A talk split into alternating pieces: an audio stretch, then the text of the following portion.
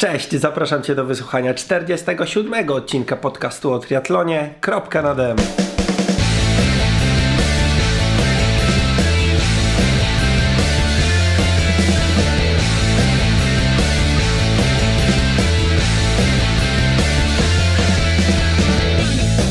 Dzisiaj, w dzisiejszym odcinku, do dzisiejszego odcinka zaprosiłem Bartka Bieleckiego, czyli takiego triatlonisty, którego pewnie nie znacie, bo nie jest on y, osobą, jaką, jakimś showmanem, który się pojawia tu i ówdzie, e, ale zrobił coś fajnego, mm, czyli ukończył zawody na dystansie Ironman, a konkretnie ukończył Norsemana.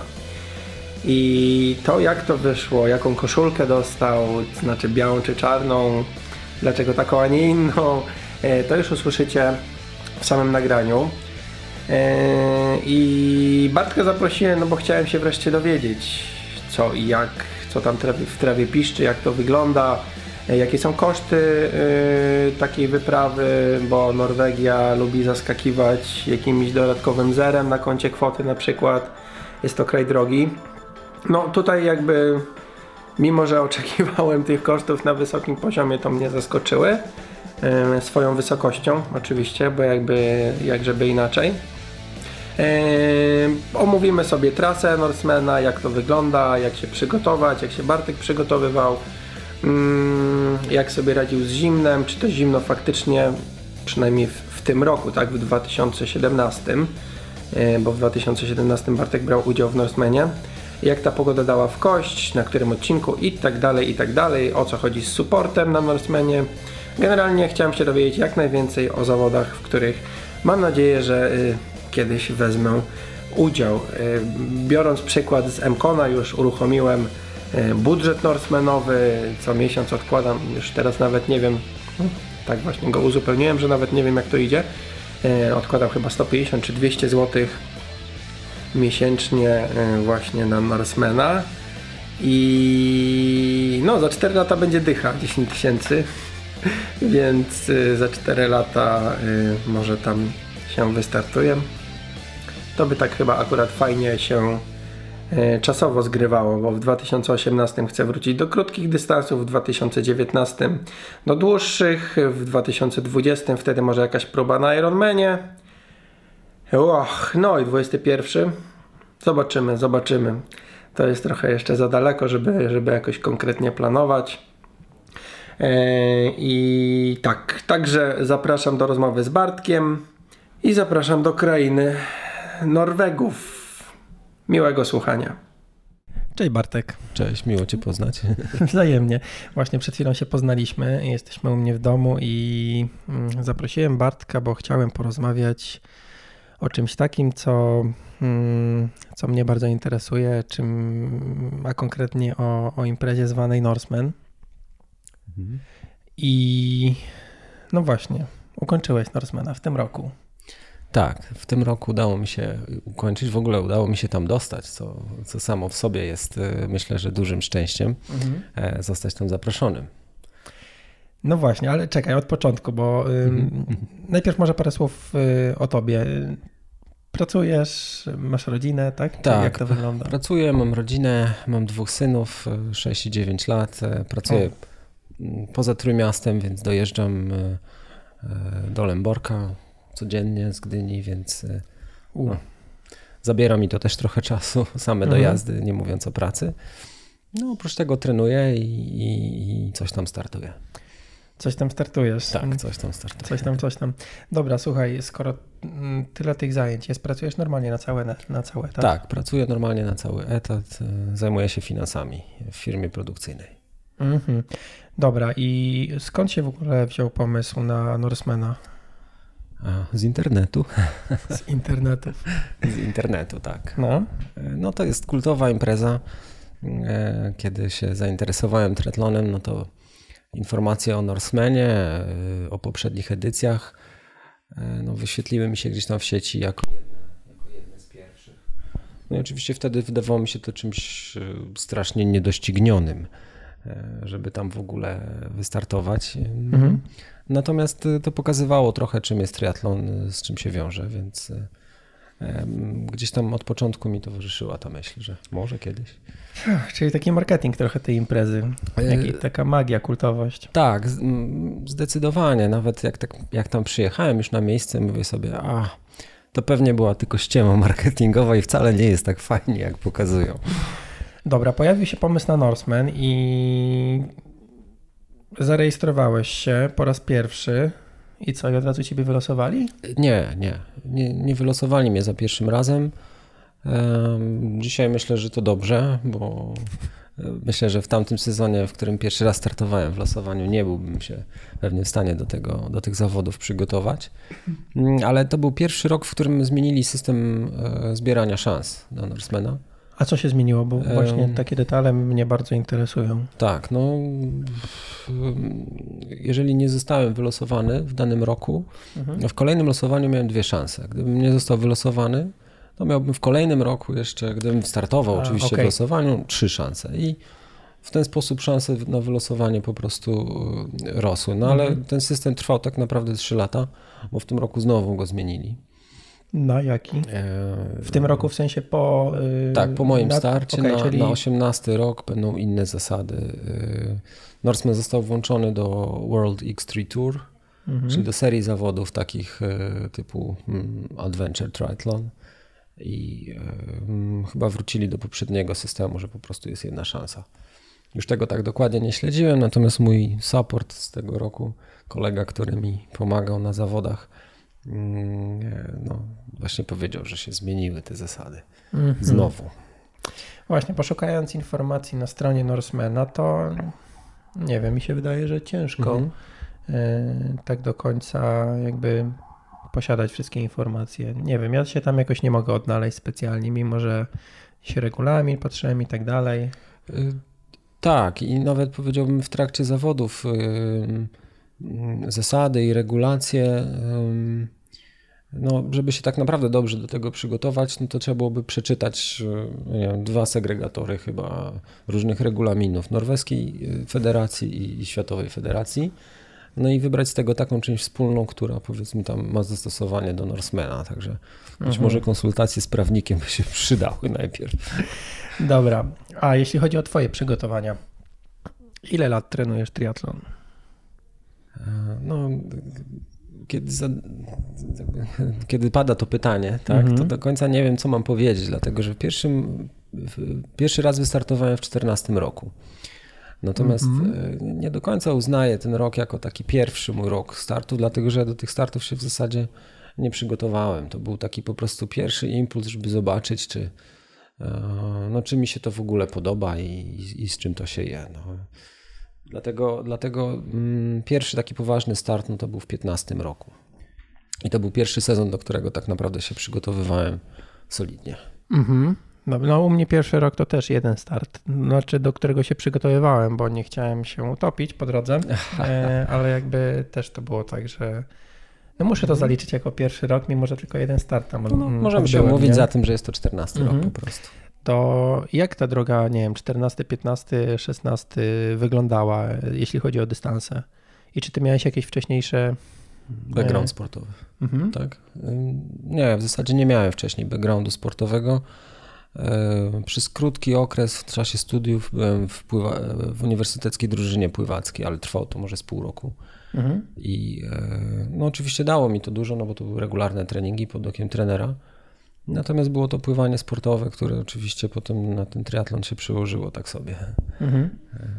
No i to w zasadzie moje jedyne takie doświadczenia głębsze sportowe. I, no i dobrze, I, I, rok 14, co robiłeś w 14, jeśli chodzi o ten start? Tak, to była jedna ósma w Brodnicy, mhm. a potem sprint w Gdyni. Okej, okay. i w 15? I w 15 roku e, zaliczyłem kilka pomniejszych startów, które były tak naprawdę przygotowaniem do do pierwszych dużych zawodów e, w Barcelonie zrobiłem dużego Ironmana w październiku. Pełnego? Pełnego, tak. Szybko. Szybko. Ci się tak. zechciało długich dystansów. Ja od razu wiedziałem, że chcę długie dystanse. Mhm. E, tak, to chyba leży gdzieś w mojej naturze, że jestem raczej e, dieslem niż wyżyłowaną benzyną. A ile masz lat? W tym roku 40 skończyłem. Okej, okay, no to też ładny prezent był, nie?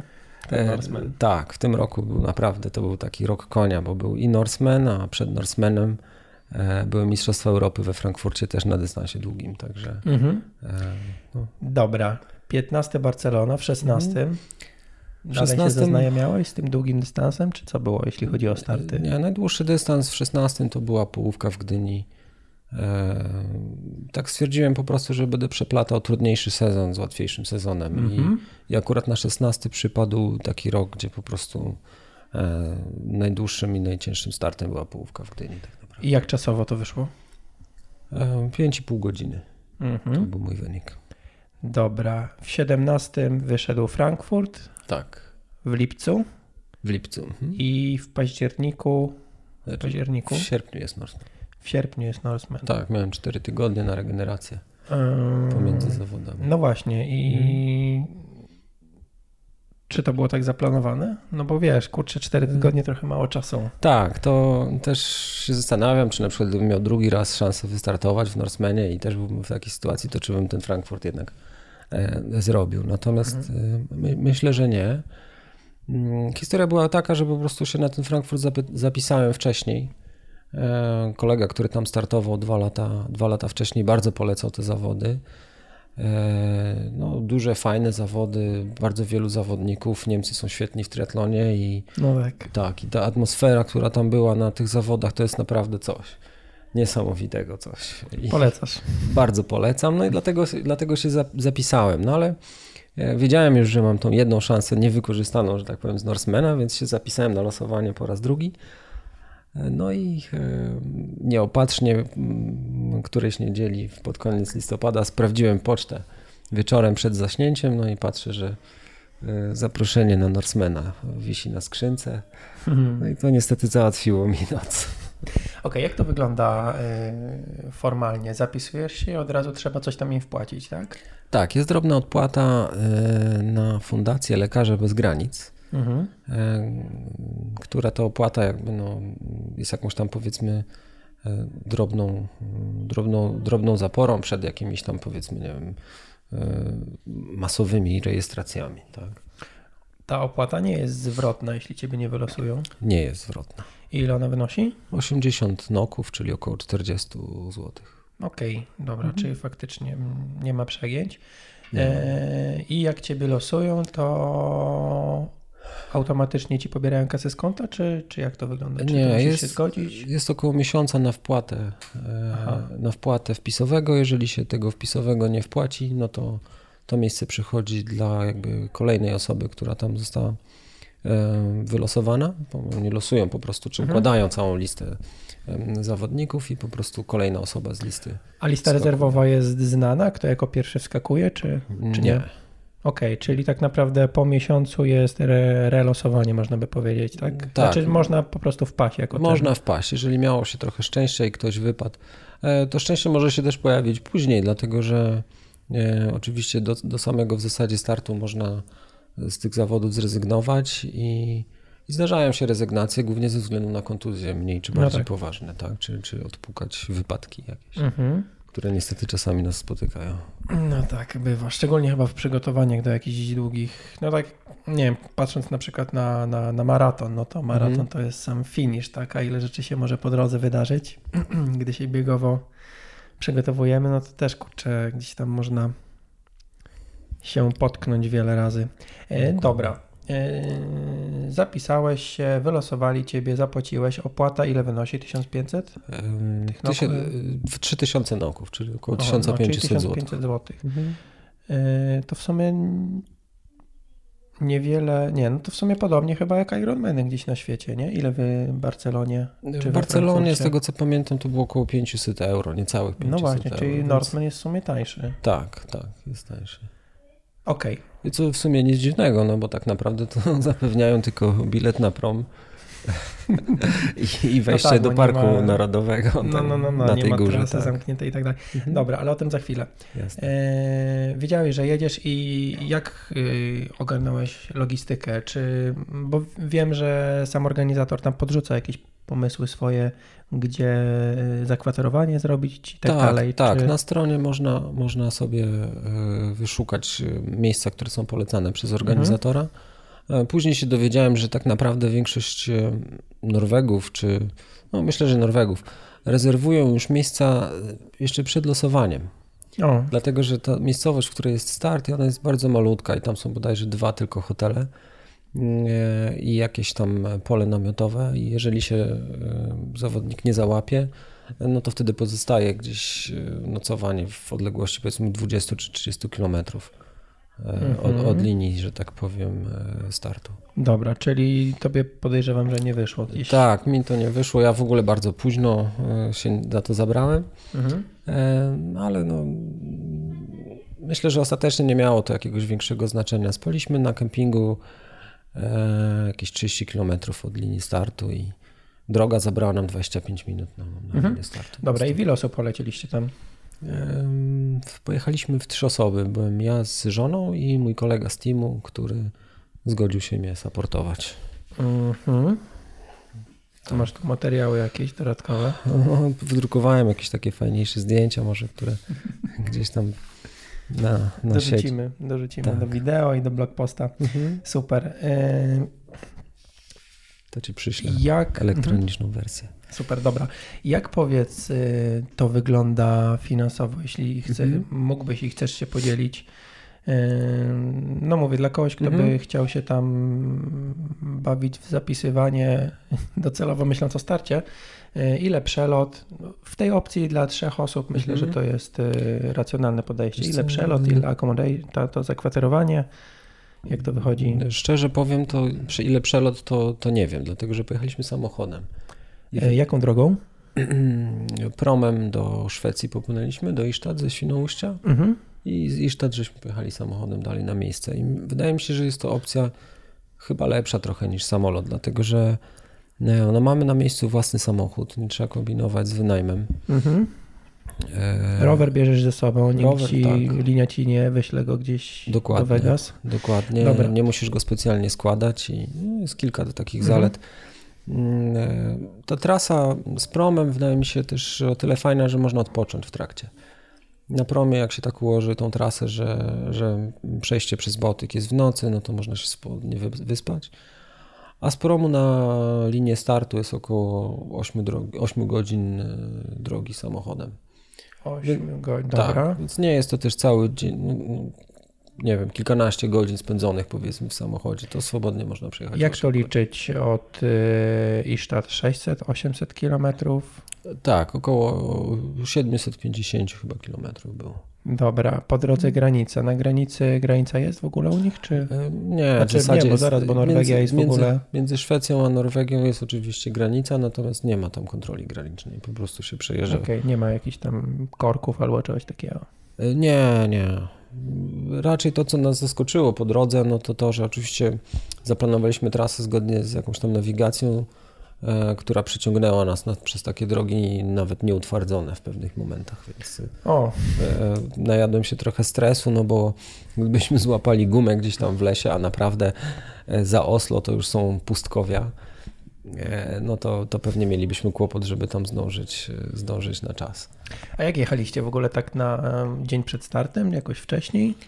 Ile dni, jakby nie wiem, jakiejś aklimatyzacji? Mm, tak naprawdę mieliśmy jeden, jeden dzień aklimatyzacji. Przyjechaliśmy w czwartek wieczorem. E, no potem zdążyliśmy się zameldować i, i wyspać. Rano e, pojechaliśmy na linię startu się. W piątek rano? No, tak, w piątek mhm. rano. E, pobrać pakiet startowy, zarejestrować się.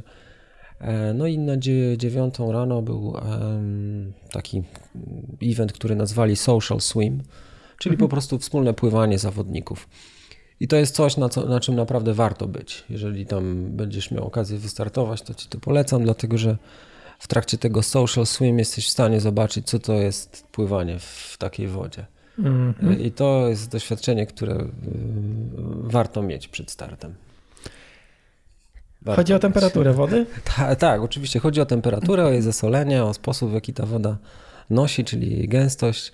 No ale przede wszystkim temperatura. Jak wyszedłem po tym pierwszym pływaniu, no to miałem tak stężałe szczęki, że żona po prostu się śmiała do rozpuku, jak coś mówi, jak coś powiedziałem, także no. E, no tak, ale to, to, to, widać na filmach, tylko mhm. podejrzewam, że jak człowiek się nie, nie jest w tym stanie, to ciężko sobie to wyobrazić. E, tak, no pewne wyobrażenie może daje, e, nie wiem, morsowanie, gdybyś morsował i, mhm. i w trakcie morsowania, gdybyś na przykład przypłynął się kawałek normalnie, tak z zanurzoną głową, pełnym stylem, no to, to myślę, żebyś poczuł, co to, e, co to znaczy. Mm, dobra. Natomiast to jest takie y, doświadczenie tuż przed startem i potem jak wskoczysz do wody, no to nie jesteś zaskoczony aż mhm. tak. E, wyjechaliście z Gdyni kiedy w czwartek rano? E, w środę, w środę po południu wyjechaliśmy. Aha, noc tak. na promie noc. Na promie noc i potem powiedzmy cały dzień, dzień ale takiej swo swobodnej, spokojnej jazdy z, z, zatrzymaniem się po drodze tu i tam. Okej, okay. w piątek rano po pakiet i na mhm. swim. Tak. Mm, resztę piątku?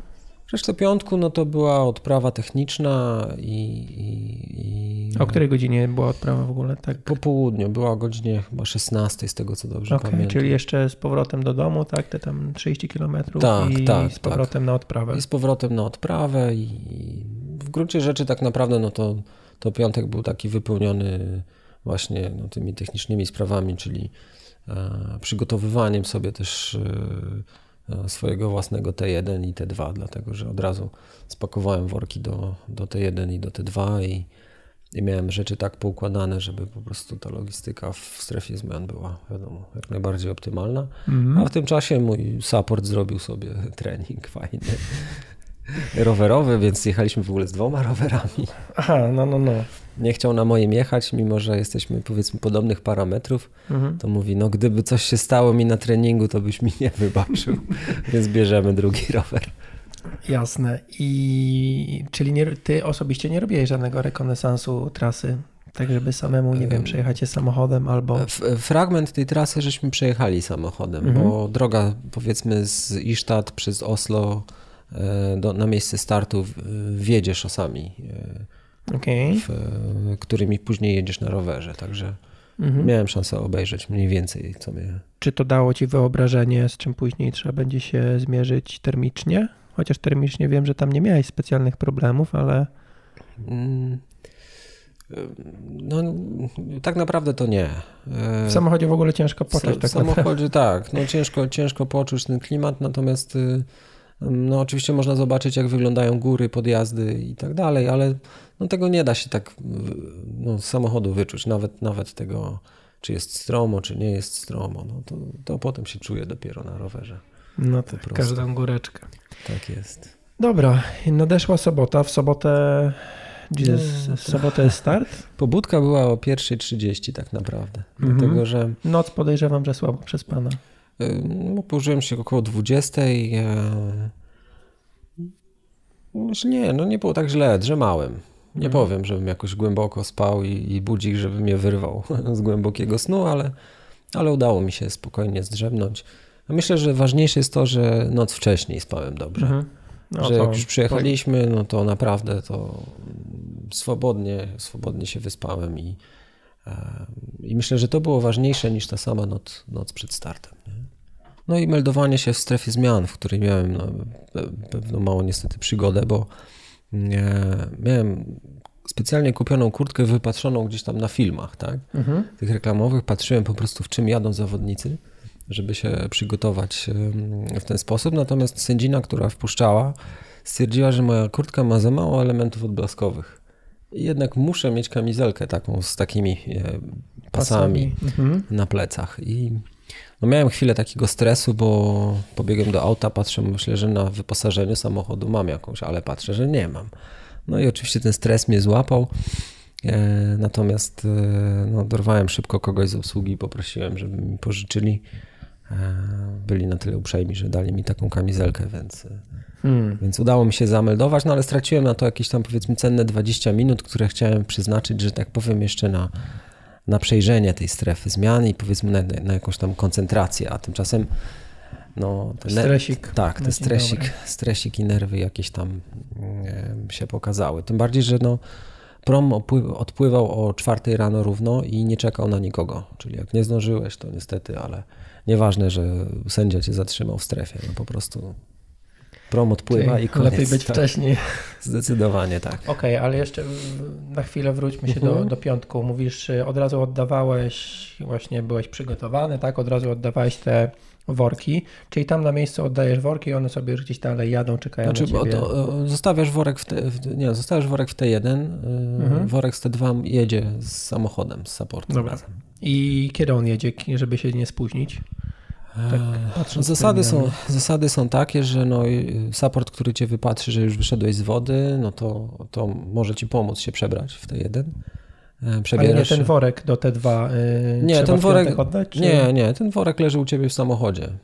Tak naprawdę. I w momencie, Aha, kiedy dobra, ty... bo jest support, okej. Okay. Tak, mhm. kiedy ty ruszasz na trasę, no to support jedzie samochodem za tobą, przed tobą, w zależności Jasne. jak tam się umówicie. E, trasa jest e, w ten sposób ułożona i możliwość e, wspierania zawodników jest tylko na odcinku między 30 a 150 km. Roweru. Roweru, tak. Mhm. Czyli nie można pomagać w pierwszych 30 i w ostatnich 30 kilometrach. Jest to spowodowane przepustowością trasy? Tak, i jakby ułożeniem, dlatego że pierwsze 30 km no to jest podjazd w zasadzie, który wiedzie no, ścianami tych, e, tych fiordów. Jednopasmówka jest tak. tak? Jednopasmówka. Mhm. Jest to w zasadzie stara szosa, którą zamienili na ścieżkę rowerową i obok poprowadzili, e, poprowadzili taką szosę, no powiedzmy większą, przez którą mieliśmy tam w dwóch miejscach tak naprawdę przejechać. I, mhm. tam, to było chyba jedyne miejsce, gdzie policja kierowała ruchem i, i tam ruch był zakłócony. Natomiast e, no, samochody, nie, nie, tam nie było się gdzie po prostu zatrzymać, żeby support był ci w stanie w jakikolwiek sposób pomóc, więc, więc ten odcinek był wyłączony. No i drugi wyłączony odcinek no to był zjazd e, z ostatniej góry do, do T2. No i tam też tak naprawdę dosyć ciężko się było gdzieś, gdzieś zatrzymać, dlatego że to były serpentyny, które zjeżdżały w dół. I dopiero ostatnie, powiedzmy tam, nie wiem, 10 km czy 15 było takie, gdzie można było supportować, no ale ponieważ to już było tak blisko, no to, to organizator jakby stwierdził pewnie, że to nie ma sensu. Kumam. Dobra. Mm, jesteśmy w sobotę o godzinie trzeciej rano. Tak, rano. rano no. e, I tak, jesteś w T1, tak, do, możesz doglądać sobie sprzętu, strefa jest otwarta dla zawodników. Tak jest i jest boarding na statek.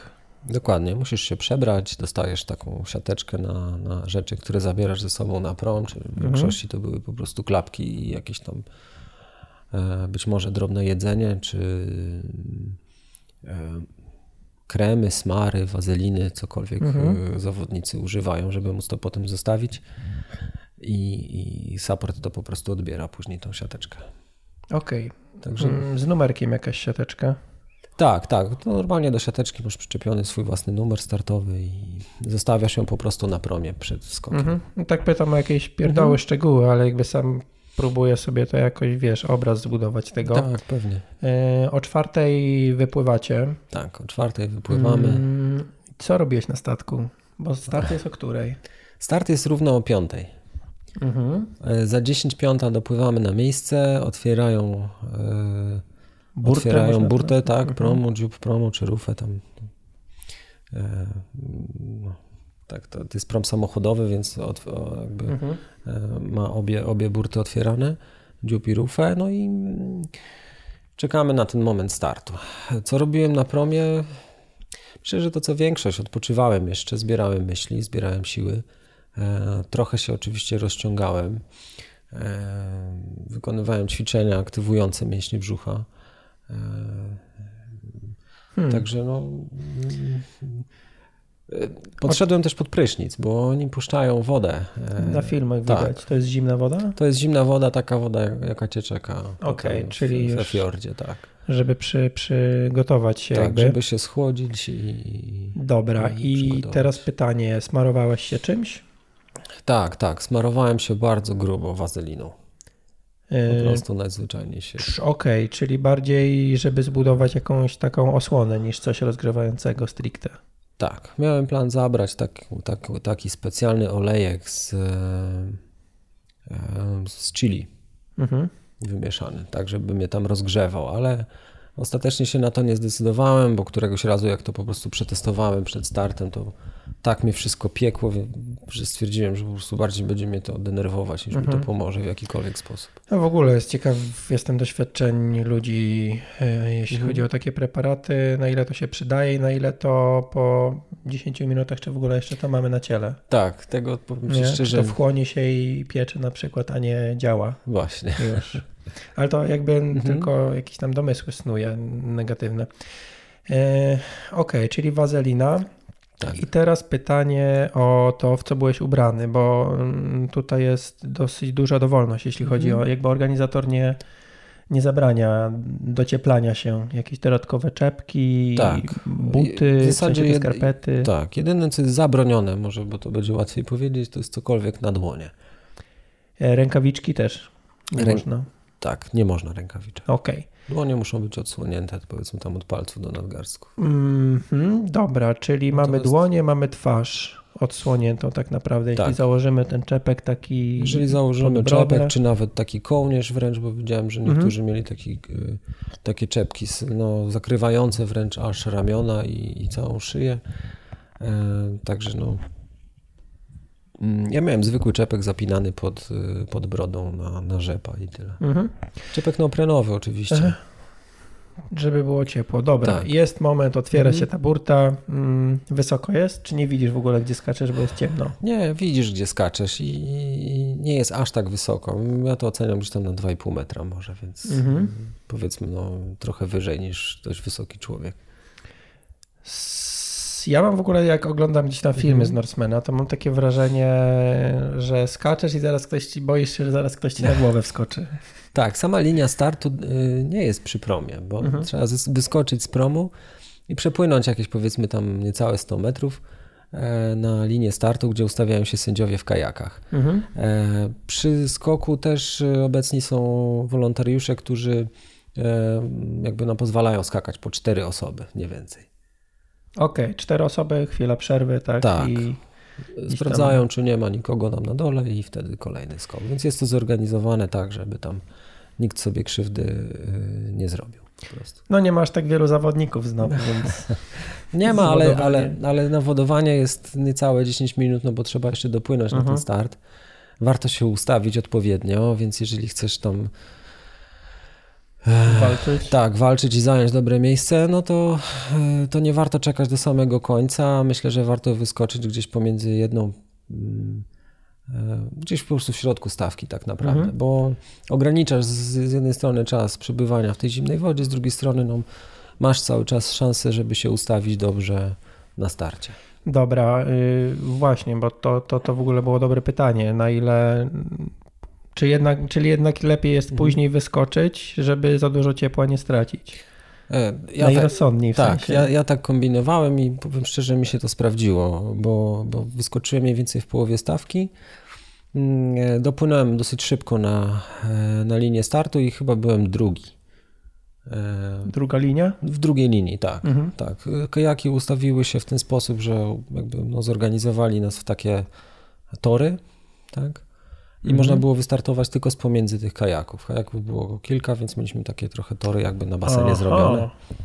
Okej, okay, czyli trudno mhm. się gdzieś przecisnąć później. E, tak, z tyłu był być. spory tłum i ci, którzy tam powiedzmy zamarodzili trochę za bardzo po drodze na start, no to myślę, że że potem w jakąś tam, no może nie pralkę, ale jednak mieli mniejszy komfort niż ci, którzy okay. stali z przodu, czy tam pływali z przodu. Mhm. Dobra, i w ogóle sam moment w skoku był jakiś taki szokiem, że nie wiem, wpadał do tej wody, czy pianka i tak dalej? Nie, to już są takie emocje, Aha, przynajmniej ja, ja już byłem w takich emocjach, że w zasadzie stałem się w ogóle niewrażliwy na, to, na te warunki. Już mhm. tylko po prostu się cieszyłem tym, co się dzieje i to było coś przepięknego. Dobra. Był. Y, ile w ogóle jest do startu ze statku? To jest kwestia 50-100 metrów? Więcej? Y, nie, nie więcej niż 100 metrów. Mhm, dobra. Nie więcej niż 100 metrów. Jest y, start, czyli. Tak, jest w ogóle. Tuba, tak. tak. To, co widać na różnych zdjęciach czy filmach, no to. E, to jest tak, raz widać, że jest dosyć ciemno, a raz widać, że jest jasno. I no sam właśnie. się zastanawiałem, co mnie czeka tak naprawdę. Mhm. Stąd moje pytanie, czy skaczesz, mhm. wiesz, w ciemność. ciemność, nie? Woda jest oczywiście ciemna, czarna i e, natomiast już powoli szarzeje. Mhm. E, no, ponieważ to jest fiord i słońce jest zasłonięte przez, przez góry, no to tak naprawdę bardziej jesteś w cieniu niż jeszcze w środku nocy, więc, e, więc jest po prostu taka dosyć mocna szaruwa. Mocna szaruwa mhm. i, i, no nie, nie jest jasno. Jak, jak odpłynąłem kawałek od promu, no to się zatrzymałem, obróciłem się specjalnie, żeby na niego popatrzeć. I to był ten moment, który po prostu zapamiętam oczywiście do końca życia, bo mi zaparł dech w piersi po prostu. Wygląda to idealnie, dokładnie tak jak na filmie.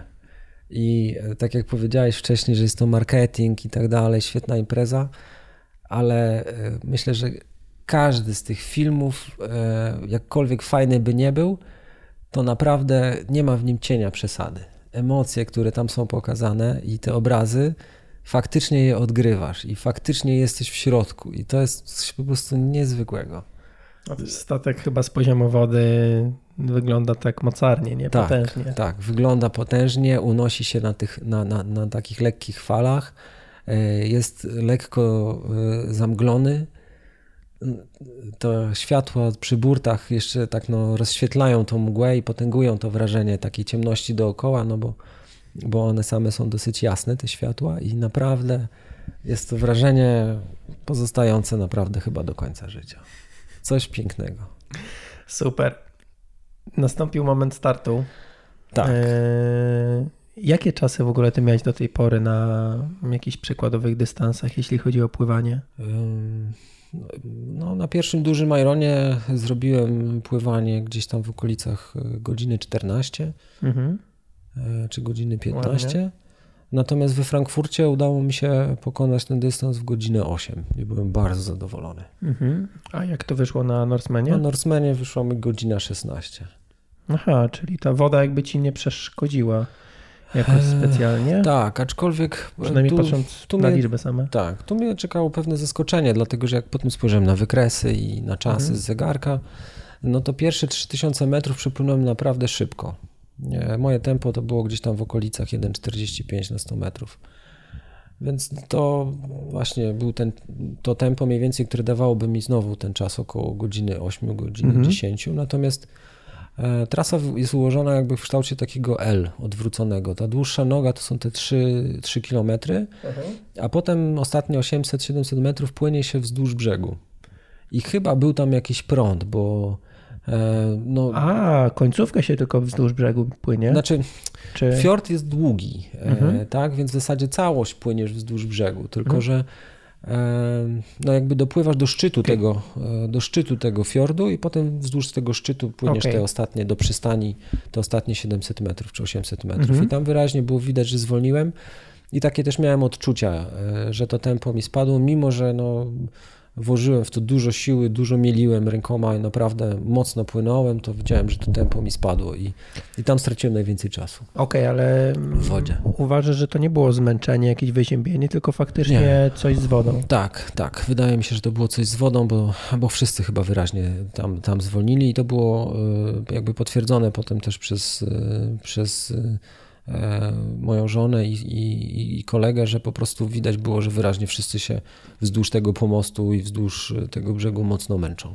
Mhm. I to potem widać było na, na wykresach. Mhm, na dobra. Z zegarka. Ale, no, ale dlaczego tak było, to ja do końca nie wiem. Tam niedaleko było ujście rzeczki, być może to jest kwestia prądów, które tam są. Okej, okay, a jak e, wygląda sytuacja, jeśli chodzi o bo na brzegu jakby są kibice, mhm. ale wszyscy startują w tych samych czepkach. E, tak, Czy wszyscy... są numery na czepkach? Są numery na czepkach. Jest szansa, żeby, nie wiem, z jakąś lornetką wypatrzeć, czy ten gość, co płynie, to jest ten nasz? Nie. Nie, to był największy stres, jaki przeżyli tak naprawdę moi supporterzy, bo nie byli pewni, czy już wyszedłem z wody, czy jeszcze nie wyszedłem z wody. Wiedzieli mniej więcej na, na jakie czasy mnie stać. E, natomiast no, ten stres y, powiedzieli mi, że był dla nich dość duży. No, e, tak. no ale udało się w końcu mnie wypatrzyć. Jak już wychodziłem, jest tam taki moment, że po prostu wstajesz i idziesz kawałek pod nie już. E, więc jest szansa, że po prostu no, na tym ostatnim momencie cię wyszukają. Wypatrzą. Mhm. Dno kamieniste? Dno kamieniste, tak. Dlatego warto mieć te skarpety już nawet nie tyle ze względu na wyziębienie, ile potem na Aha. nałożenie po tym Okej, okay. no tam wolontariusze widziałem pomagają wyjść, bo ludzie są w różnym stanie. Tak, ale to myślę, że na każdych zawodach są w różnym stanie. To raczej nie no. wynika chyba z temperatury, tylko po prostu zeszli z dystansu. Mhm. Yy, dobra. T1. T1 jest rozstawiony na trawce. Tak, T1 tak? jest rozstawiony na trawce.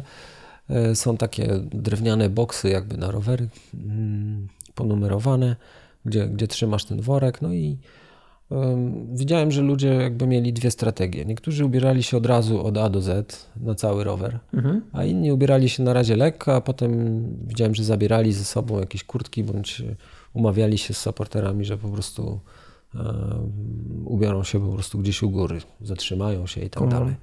Hmm. Ja wybrałem tą pierwszą strategię, bo po prostu szkoda mi byłoby się zatrzymywać, żeby jeszcze, żeby jeszcze się przebierać. Nie, nie, nie planowałem tego, więc się ubrałem od razu od A do Z i miałem dobre ciuchy, sprawdziły mi się w 100%, więc myślę, że to była dobra strategia. Dobra, to w co się ubrałeś?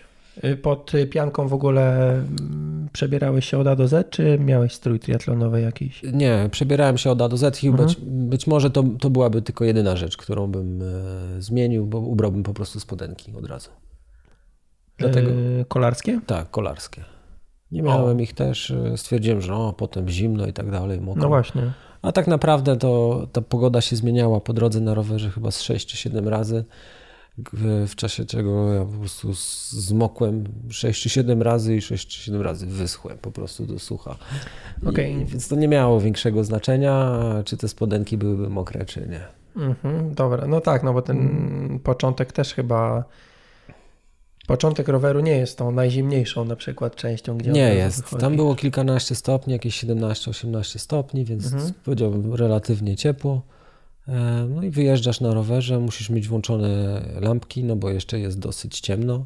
Mhm. E, poza tym ta trasa wiedzie właśnie taką starą szosą wyłączoną z ruchu o niezbyt dobrej nawierzchni, więc warto mieć oświetlenie dobre. E, o, chociażby z takich powodów, że tak. można się władować w dziurę? Dokładnie tak. Hmm, Są dobra. takie miejsca, gdzie przejeżdżasz przez takie stare, nieoświetlone tunele mhm. na tym rowerze, więc no, łatwo jest o, o jakąś tam kraksę. No proszę. Nie przewidziano, więc to przydaje się. Mhm, dobra, czyli lampka i ile czasu tą lampkę miałeś włączoną cały czas, czy, no bo to też kwestia baterii, nie? Chociaż tak. bateria te kilka godzin uciągnie. No, lampkę miałem włączoną, obie lampki miałem w zasadzie włączone przez mhm. cały czas. Dobra, no i rower. Pierwsze 30 km czy 40 jest pod górę. I jak ta mm. góra w ogóle wchodzi? W sensie to jest duże nachylenie, czy... Czy już po 30 kilometrach człowiek nie chce dalej uczestniczyć w tej jest, zabawie? To jest niecałe 30 kilometrów e, i tu z kolei też czekało mnie takie małe zaskoczenie, bo to właśnie na tym kawałku był taki moment, kiedy mm, niemalże miałem ochotę zejść po prostu z roweru i rzucić w kąt. E, ale to nie była kwestia tego, że było to straszne nachylenie, czy że to było po prostu, że już byłem zmęczony. E, tylko mm, trasa wiodła między innymi przez taki, w pewnym miejscu, miejscu przez tunel, gdzie jechaliśmy razem z samochodami. I ten tunel się dosyć ciągnął. W tunelu było gorąco i krótko mówiąc śmierdziało spalinami po prostu. I przez to, że on się tak ciągnął i było tak gorąco, e, no to po prostu no, Dusząco. Tak, aż niedobrze było mi po prostu.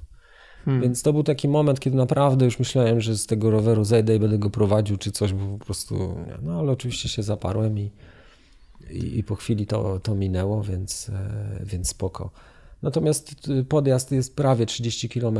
Na początku jest parę kilometrów fajnego takiego rozjazdu po płaskim. Nachylenie nie jest duże, tam y, średnio wychodziło około 5-6%. E, chociaż były takie momenty, gdzie średnio z tylu kilometrów, to tak. jednak... Tak, no to prawda, więc no nie było tam wielkich prędkości. I tutaj oczywiście też e, z perspektywy czasu, jak tam analizowałem cały, cały ten występ i start, no to, to myślę też, że technicznie bym się mógł lepiej przygotować, a przynajmniej przetestować rower e, swój w, w podobnych warunkach. Mm, oczywiście zrobiłem jakąś tam adaptację sprzętową, bo wstawiłem większą kasetę do tyłu, skróciłem ten e, łańcuch, natomiast e, myślę, że mogłem go jeszcze bardziej przerobić i dopasować do gór. Hmm. Mam czasówkę i pojechałem na czasówce. E, Natomiast tutaj no, sama konstrukcja ramy nie tyle była problemem, ile właśnie po prostu brak odpowiednich przełożeń. Miałem 39 najmniejszą z przodu, więc e, no, to było jednak mhm. trochę za dużo w pewnym momencie. Dobra, a yy, czy wtedy skoro no na ten spaliny jakby się mhm. nie poradzi niczym, natomiast y, nie uważasz wtedy, że może, nie wiem, lepsze by było jednak krótkie ubranie się na ten początek, żeby się nie zagrać na podjeździe? Mm, zawsze Czy możesz trochę rozpiąć kołnierz, żeby wpuścić tam powietrze, jak masz dobre ciuchy, dobrą kurtkę oddychającą, to no to aero, aero nie musisz być, jak jedziesz pod górę tyle Tak, dokładnie, dokładnie tak, więc y, ja miałem krótkie spodenki i takie ochraniacze na kolana mhm. które miałem zaciągnięte tak powiedzmy na połowę uda i to, to też było tyle fajne, że właśnie no, one mi się zsuwały samoczynnie trochę w trakcie podjazdu, więc miałem powiedzmy jakieś tam chłodzenie, potem e, w trakcie tam powiedzmy kilku ruchów byłem w stanie je sobie potem podciągnąć i na zjeździe już one bardzo fajnie chroniły. Mhm. A samochód, bo generalnie trasa kolarska jest przy otwartym ruchu tak. Mm, samochodowym, są miejsca, tak jak mówiłeś wcześniej, gdzie tego ruchu nie ma, bo, bo to jest ścieżka rowerowa na przykład. Tak. E, w tym tunelu mhm. samochody jadą obok, czy gdzieś, znaczy inaczej, czy samochody to są głównie support, czy samochody to są po prostu, jest to tak y, uczęszczana droga? Znaczy, mm, akurat nie. W tamtym, w tamtym miejscu to był otwarty ruch i były też sporo innych samochodów. Mhm. A support jedzie, jak się w ogóle, jak jaka była, nie wiem, strategia supportowania z twojego? Czy mhm. to był samochód, który jechał i miałeś z nimi kontakt, czy, czy oni podjeżdżali do ciebie co jakiś czas, czy czekali na ciebie co 5 kilometrów, czy co ile? Byliśmy umówieni, że, że yy, najrzadziej co godzinę, że tak powiem, mojej jazdy będziemy się, będziemy się spotykać, więc oni po prostu odliczali ten czas.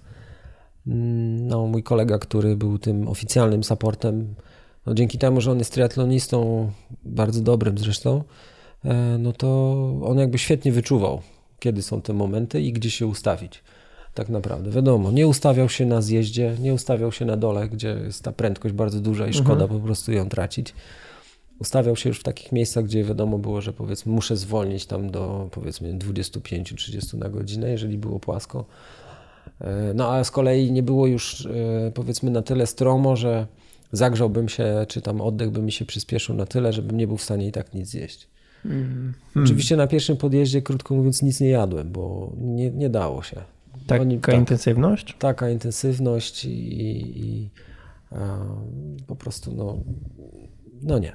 Trochę strach, kurczę, jak na pierwszych 30 kilometrach tak, na takie obroty. Oni się bardzo, bardzo się martwili, że ja nic nie, nie, nie chcę jeść, bo minąłem ten punkt, kiedy mogli mnie zacząć supportować już to zostało może ze dwa kilometry tego podjazdu i zaczynał się ten płaskowyż taki wspaniały, mhm. E, no ale dalej nie chciałem nic jeść. Musiałem dopiero po prostu ochłonąć trochę po tym podjeździe i dopiero wtedy byłem w stanie powiedzmy po pierwszych półtorej, dwóch godzinach coś, coś zjeść. Okej. Okay.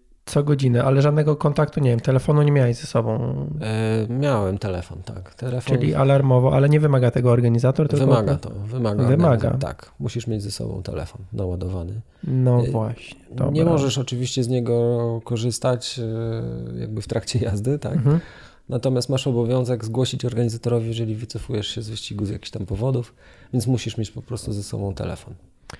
Okay. Oprócz tego masz jeszcze pas i nadajnik GPS, y, jakby zapewniony przez y, organizatora. Yy, pas jaki? No, taki na, na numer startowy Aha, no z kieszonką właśnie na, ten, na to pudełeczko z nadajnikiem. Aha, dobra, a dużo to waży? Bo jak raz coś takiego miałem na rowerze, to to była taka jak dwie pięści pucha. I z to nie, to jest takie mniejsze niż smartfony tak naprawdę Aha, i dobra, waży może coś... ze 150 gram mniej więcej. Dobra, Leciutkie no, bardzo. chyba kwestia, bo to na ultramaratonie miałem i to była mhm. chyba kwestia mhm. po prostu długości działania, żeby to na przykład 48 godzin działało. No tak, tutaj nie, no tam mhm. limit czasowy jest chyba tam ile? 17 godzin czy 18. I, na całość. Tak, na całość, więc, mm-hmm. więc to nie był problem i, i, i, to jest dosyć lekkie, także nie, nie było z tym problemu. No telefon, tak jak mówię, musisz mieć, e, żeby móc się w jakiś sposób tam powiedzmy skomunikować z organizatorem. Mm-hmm. Dobra, i mhm. patrzę teraz na to zdjęcie. Y, rozumiem, że ten pas na numer rejestracją razem już z tym, jakby w pasie na numer jest ta kieszonka, tak? Z tak tym GPS-em. Jest, tak, Dobra, tak, okej, okay, to już, yy, już kumam. Jak, jak z aero w ogóle jest na, na Norsemanie? No bo te mhm. pierwszy podjazd, ok, ciężko i tak dalej, jakby to się niewiele liczy. Natomiast później, no widzę, że ludzie jednak walczą z tym wiatrem, jeżdżą w kamizelkach dość luźnych, powiewających na wietrze. Mhm. Mm, no bo no, termika jest istotna. Y, co ty w ogóle o tym sądzisz? Czy, czy, czy, czy, czy, czy są ludzie, którzy ubrani są też bardzo tak obciśle? Tight, jakby no? Mm, są, ale myślę, że to nie ma wielkiego znaczenia. Hmm. Tak naprawdę. E, nie, nie warto oczywiście zabierać jakiegoś żagla tam ze sobą. Ja miałem kurtkę, która no, przy gdzieś zjeździe na pewno tam trochę tego powietrza nabierała, natomiast generalnie jest, jest dobrze dopasowana. Mhm. I lekki luz tam z, z, był zostawiony, więc jakby yy, nie ma, no, no, na pewno aero nie ma wpływu na wynik. Tak naprawdę. No, Bądź ma niewielki. Duży dystans, tak? Tak, jest to duży dystans i dużo większy wpływ ma po prostu, krótko mówiąc, przygotowanie i umiejętność no jazdy po górach. Aerodynamika jest istotna, jak prędkość jest duża. Nie? Jeśli ktoś nie jedzie jakoś tam ultra szybko, to, to, to jakby znaczenie się, się zmniejsza też. Tak, no tutaj jedzie się oczywiście szybko na zjazdach. Mhm. Więc tutaj bardziej technika zjeżdżania ma, e, ma większy no, wpływ właśnie. na to, jak, jak, jak, jak szybko ci się powiedzmy uda pokonać E, te zjazdy, no i oczywiście wytrzymałość siłowa na podjazdach. No tak. Czy na zjazdach bywało mokro? Tak. Bywało mokro, szczególnie na ostatnim zjeździe i, i tam można było, e, że tak powiem, w kilku miejscach zaliczyć e, dosyć niebezpieczną glebę, więc no to ograniczało Trzeba uważać. Tak. Dobra. a, jeszcze takie pytanie, mhm. support. Ile osób supportu może być? Oficjalnie e, jest tak naprawdę jedna osoba, która cię supportuje. Mhm. Ona może też kierować samochodem, ale nie musi. Może być tych osób więcej. Widziałem, że niemalże z całymi rodzinami. Niektórzy zawodnicy przyjechali z dziećmi i ten support był naprawdę taki mocno rozbudowany. E, wsparcie, impreza po drodze, muzyczka, grill, tego typu sprawy. Może nie na porządku dziennym, ale, ale kilka takich osób widziałem, także no, jest tam spora dowolność. Saportowanie chyba jest dosyć ciężką robotą na takiej imprezie, co? Jak ci się wydaje? E... Jak to w ogóle u ciebie wyglądało? Żona kierowała, a. Tak, żona kierowała, a kolega po prostu, e, no, e, że tak powiem. Kontaktował, kontaktował się, się ze mną, tak. E, wychodził z samochodu żeby, żeby podawać mi jedzenie, wymieniać picie, podbiegał, oczywiście rozmawialiśmy chwilę tam ze sobą. E, no i, i tyle. No. E, myślę, że to jest jednak e, dosyć ciężka rola. Wydawałoby się, że jest sporo czasu, tak? No bo jednak ten zawodnik powiedzmy co godzinę, no to jest sporo czasu, gdzie można pojechać do przodu i, i czekać na niego, ale tak naprawdę okazuje się, że wcale tak nie jest, dlatego że ta jazda jest taka urywana. Są inne samochody, które jadą y, i supportują, często zajmują fajne miejsca, więc nie ma się gdzie zatrzymać. No tak. Trzeba to planować. Y, no i tak naprawdę ten dzień też dosyć szybko im minął. Mhm. To, to, Oj, e, mija 30 kilometrów. Jak wygląda ta trasa później, jeśli chodzi o mhm może nie tam konkretnie przewyższenie, ale takie twoje odczucie, jak ci się jechało kolejne 120 km do 150 km. Termicznie, jaka jest pogoda, nie wiem, asfalt czy jest dobry. Tu widzę na zdjęciu mhm. asfalt mhm. normalnie, żeleta, piękny. Tak, e, większość, większość drogi jest, e, jest dobry asfalt. Najgorzej jest na samym początku i tak naprawdę na końcu. Mhm. Asfalt e, oczywiście no, na zdjęciach wygląda ładnie, ale to jest taki no jest, Chropowaty jest mocno. bardzo mocno chropowaty. Okej, okay. tak. no to, to, to, to nie, się, się nie, tak. nie płynie jakby po nim za dobrze. Nie, nie. E, nie płynie się po nim. No i tutaj też myślę, że on miało to wpływ powiedzmy na, na tą przygodę tam z, z, ze złapaniem gumy. Opowiadaj. Sama, sama trasa. Jeszcze powiem chwilę o tej trasie, bo mhm. ona wiedzie na początku właśnie pod górę, wjeżdża się na ten płaskowyż Ardange Widda który naprawdę ja pokonałem z rozdziawioną gębą, za przeproszeniem. Czyli fajnie się jedzie. Piękne widoki, tak. Piękne widoki. One oczywiście to wrażenie jest potęgowane tym, że no w końcu masz ten wielki podjazd za sobą. Jedziesz już szybko, bo jest tam powiedzmy lekko z góry, nie ma za dużo zakrętów. Więc jedziesz gdzieś tam powiedzmy, nie wiem, 35-40 na godzinę i jest, jesteś po tym podjeździe, jest wszystko świetnie i jeszcze jest do tego pięknie.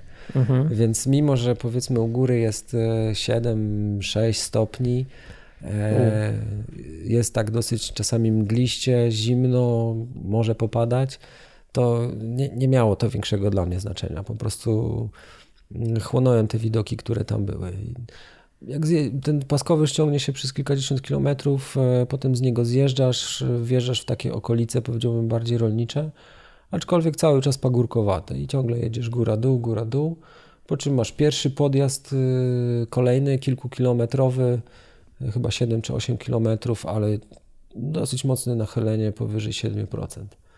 Mm. I takich podjazdów masz po drodze poza pierwszym w sumie cztery tak naprawdę cztery ostre podjazdy, z czego ten ostatni jest naprawdę taki mocny, bo jest w pewnych miejscach nachylenie dochodzi do 20%. E, naprawdę ciężko się jedzie. No, no myślę się. No i, i, i, tyle. No, jedziesz przez takie zęby po prostu. Czyli tak naprawdę ten, ta pierwsza górka jest długa i dlatego się o niej mówi, ale tak. i psychicznie, i mięśniowo nie jest najtrudniejszą chyba. Nie jest. Najtrudniejsza jest ta ostatnia, bo ona ciągnie się przez chyba 11 km i to jest 11 km takiego podjazdu po te 7-8%. E, z, no, z momentami tam do prawie 20, także jest naprawdę, tam jest bardzo ciężko, bo to już jest 130 e, km, e, więc no, to już jest powoli końcówka tej trasy. No ale okolice oczywiście cały czas są piękne, no bo jedziesz już, wyjeżdżasz, wyjechałeś już z tej rolniczej powiedzmy okolicy i znowu wjeżdżasz w góry, pełne, pełne lasów, potoków, wodospadów, rozpadlin, skał. No, przepiękne, no, przepiękne miejsca, żywcem wzięte po prostu z, nie wiem, z Władcy Pierścieni, mhm. czy z jakichś filmów innych fantazy. Naprawdę coś To jest w ogóle chyba dobre podejście, nie? Żeby jakby się nie ciśnieniować się na jakieś liczby na zegarku, tylko faktycznie e, oglądać sobie po prostu, co jest naokoło i się, i się cieszyć tym. Tak, e, no ja powiem Ci, że zresztą e, to jest zawsze mój e, jakiś tam dylemat na zawodach, bo z jednej strony oczywiście bardzo się chce jak najszybciej je ukończyć, ale z drugiej strony to jest to nasze święto, tak? No, no po to tak. trenujemy, żeby sobie skonsumować to potem na zawodach. I dlatego, dlatego no, patrzenie na cyferki nie, nie jest chyba najlepszym takim rozwiązaniem tutaj. No. Dobra, co z tą gumą? Mhm. Czy to jest właśnie kwestia nawierzchni? Kiedy złapałeś tą gumę? Tą gumę złapałem na, na, na trzecim zjeździe. E, Czyli okolice? Okolice około setnego kilometra tak naprawdę. Mhm. To wyglądało tak, że zjeżdżałem i wyjechał mi traktor na drogę, krótko mówiąc. Ogromny, wielki mm. traktor, maszyna potężna, rolnicza, która no powiedzmy jechała na tyle szybko, że dosyć miałbym kłopot, żeby ją wyprzedzić. Mhm. Nie znając drogi, nie wiedząc, czy zaraz nie ma jakiegoś zakrętu, czy tam nic naprzeciwka nie pojedzie, a jednak był ruch dosyć akurat mhm. duży w tamtym miejscu. Było też mokro, bo padało na zjeździe. No i jechałem za tym traktorem i mówię, on jechał na tyle szybko, że ciężko go było wyprzedzić, ale z drugiej strony na tyle wolno, że musiałem co jakiś czas przyhamowywać. I powiem szczerze, gdzieś tutaj upatruję tej przyczyny tej gumy, no bo w pewnym momencie musiałem tak przehamować, że zblokowało mi koło i właśnie te ostre kamyczki musiały mi tą oponę strzeliło. Niestety, niestety przebić. Była to końcówka tego zjazdu. No i co, zauważyłem, że nagle się zrobiło dziwnie twardo. Całe szczęście była to opona z tyłu, nie z przodu, więc nie straciłem jakby parowania nad, nad rowerem, mhm. tylko po prostu no, siadło i tyle. Musiałem się zatrzymać. Okay. Musiałem przejść kawałek z rowerem, bo akurat nie było miejsca takiego, które by pozwalało na zmianę, na zmianę opony. E, więc jeszcze 500 metrów prawie musiałem tam dreptać z tym rowerem do takiej tam zagrody. E, no i potem zacząłem zmieniać to. Miałem ze sobą e, zestaw mm, do zmiany. Natomiast zadzwoniłem po, po support, bo no, na pewno by się denerwowali, czemu nie jadę. Mhm. Tak, czemu nie jadę, bo to z góry wiadomo i zaczęli mnie mijać inni zawodnicy, o których oni wiedzieli, że są za mną. Mieli o najnowy też podgląd, ale mniej więcej wiedzieli, kto jest przede mną i kto jest za mną, więc... Czyli support jakby na bieżąco też miał jakiś tam komputer czy coś? Czy tak, tak. Cała coś z. Wszyscy, wszyscy zawodnicy, y, że tak powiem, ich dane GPS były udostępnione w internecie. Mhm. Więc mój support również mnie śledził też i, też i w internecie. E, no i mówię, powiadomiłem ich, e, akurat y, szczęśliwie byli, szczęśliwie bądź nie, byli blisko, cofnęli się do mnie. No i yy, krótko mówiąc, nieco mi asystowali tak, przy zmianie. Znaczy, mhm. Polegało to na tym, że po prostu żona przytrzymała mi ramę, a kolega podał klucze. No i wtedy... A co, tak pomoc jest y, zabroniona? pomoc jest zabroniona, okay. tak. No i niestety sędzia to przyuważył mhm. i wlepił mi jeszcze 5 minut kary. Aha. Za outside help, nie? Mhm. Także karę odbyłem wtedy dwa. E, Oczywiście no, nie, nie było tam chęci oszukania kogokolwiek i tak dalej, natomiast no, e, ponieważ tak, e, jechałem w rękawiczkach, no ale rękawiczki były mokre. Cała sytuacja miała miejsce na zjeździe, a więc jechałem no, te 40 parę w, w zimnym deszczu, no i ta zmiana opony była naprawdę wyzwaniem. Ręce dlatego, że zgrabiałe. Ręce zgrabiałe, człowiek trzęsący się, bo nagle musiał się zatrzymać, więc z tego rozgrzania uciekło, tak, uciekło, uciekło. No i co gorsza, to okazało się, że te opony, które byłem w stanie normalnie w domu zdjąć niemalże palcami, ta guma była tak sztywna i twarda, że mm. Właśnie, bez kluczy się nie obyło. Mhm. Dobra, a mhm. support mógłby na przykład yy, przewieźć koło? Tak. Aha, czyli tak, koło można było finansowo wymienić. można tak naprawdę sobie ułatwić. Yy, można. Mhm. Można było mieć zapasowe koło i po prostu wymienić sobie. No, nigdy oczywiście nie wiesz, hmm. czy ci padnie przednie, czy tylne, więc możesz mieć komplet. E, no tak, no tak, ale wtedy też można jakby zrobić tak, że ktoś ci daje koła w samochodzie i tak wymienia oponę na, na nową, tak? Gdzie support to robi. To prawda.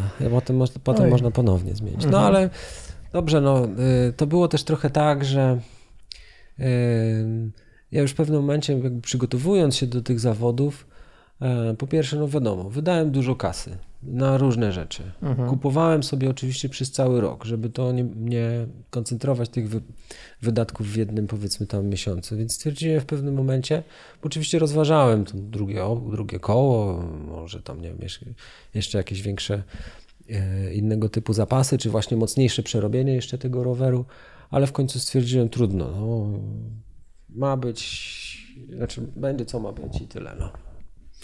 I, i, I po prostu stwierdziłem, że już więcej nie będę wydawał kasy. I muszę sobie poradzić po prostu z tym, co mhm. A jakie to były zakupy? W sensie to ubrania tekstylne, czy jakieś akcesoria, czy... Tak, w zasadzie to były przede wszystkim tekstylne. No, kupiłem sobie pomiar mocy, żeby lepiej mhm. trenować. E, e, przerobiłem kasetę e, z tyłu. Wybrałem się na powiedzmy obóz triatlonowy no, zrobiłem go sobie sam, bo pojechaliśmy z całą rodziną, ja po prostu trenowałem, oni mhm. odpoczywali.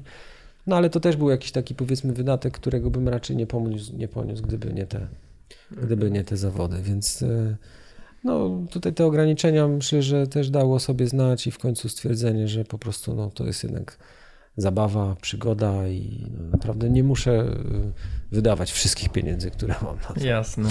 Tak. No tak, no nie, już bez przesady z tym fiksowaniem się. Nie? Dokładnie, no, pytałeś wcześniej o koszty, miałem przecież ten start jeszcze we Frankfurcie, który też mnie tam e, ileś kosztował. E, mhm. Same koszty na przykład noclegów, e, domek kempingowy, w którym w zasadzie nie było nic poza łóżkami, ta noc dla trzech osób kosztowała prawie 2000 zł. Jedna noc? Tak. Także na linii startu. Na linii mety no, zostaliśmy tam sobie dzień dłużej, no bo następnego dnia po zawodach jeszcze wlazłem na tą górę, e, żeby sobie zobaczyć, jak to tak naprawdę wygląda. E, kolega w tym czasie zrobił kolejny trening. Jak podsumowaliśmy, przejechał na rowerze chyba więcej kilometrów niż ja. E, także dosyć zabawnie. Natomiast no, tam też nocleg na miejscu kosztował gdzieś powiedzmy w okolicach 2,5 tysiąca na mecie. Kurczę, Więc... czyli jeśli, nie wiem, w czwartek, jeśli przyjeżdżasz, tak, piątek, sobota to są dwa noclegi? Mhm. To tutaj już czwórka, piątka pęka? Tak. Fuck. Dużo.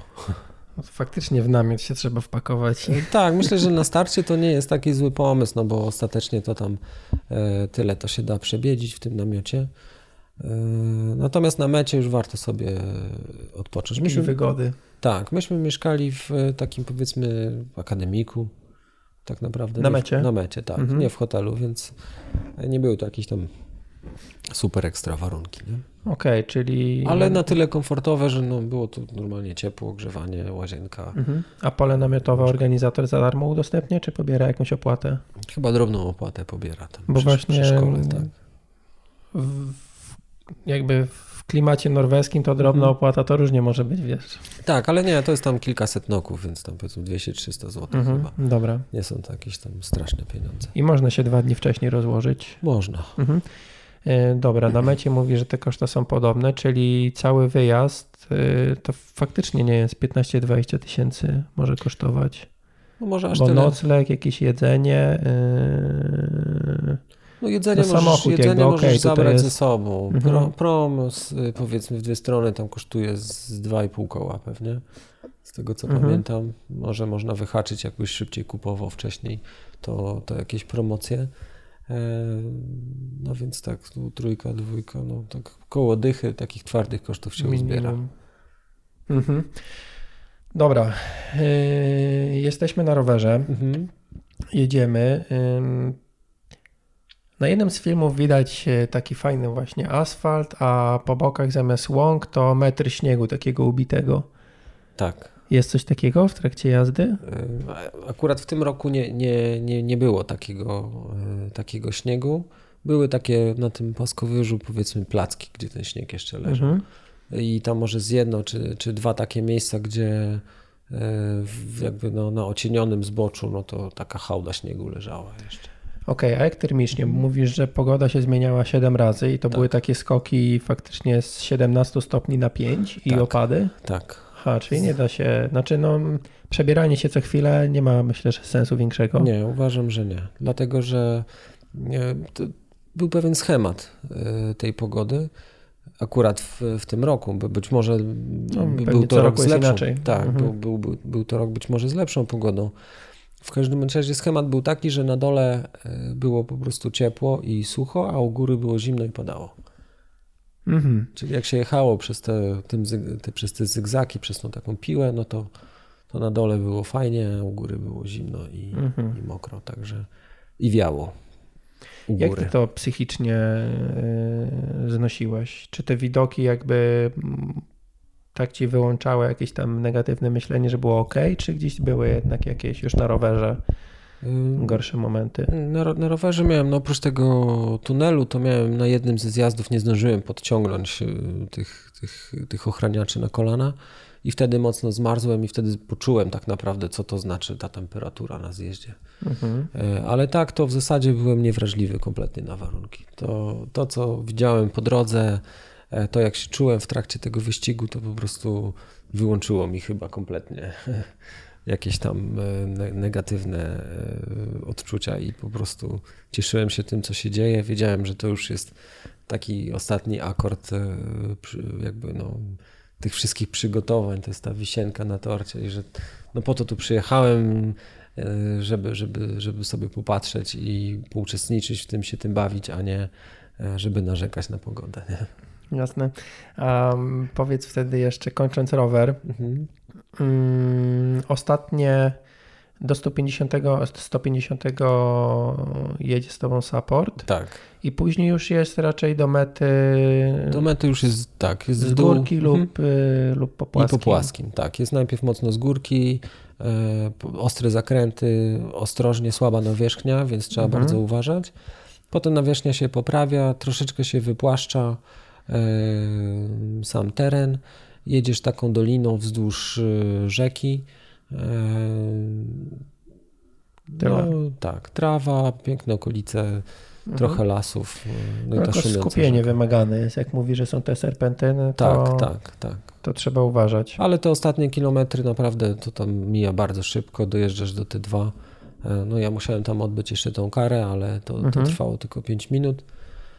E, oczywiście spożytkowałem to na wypicie czegoś ciepłego. Nie mogą ci podać nic do jedzenia, ale możesz wypić coś ciepłego.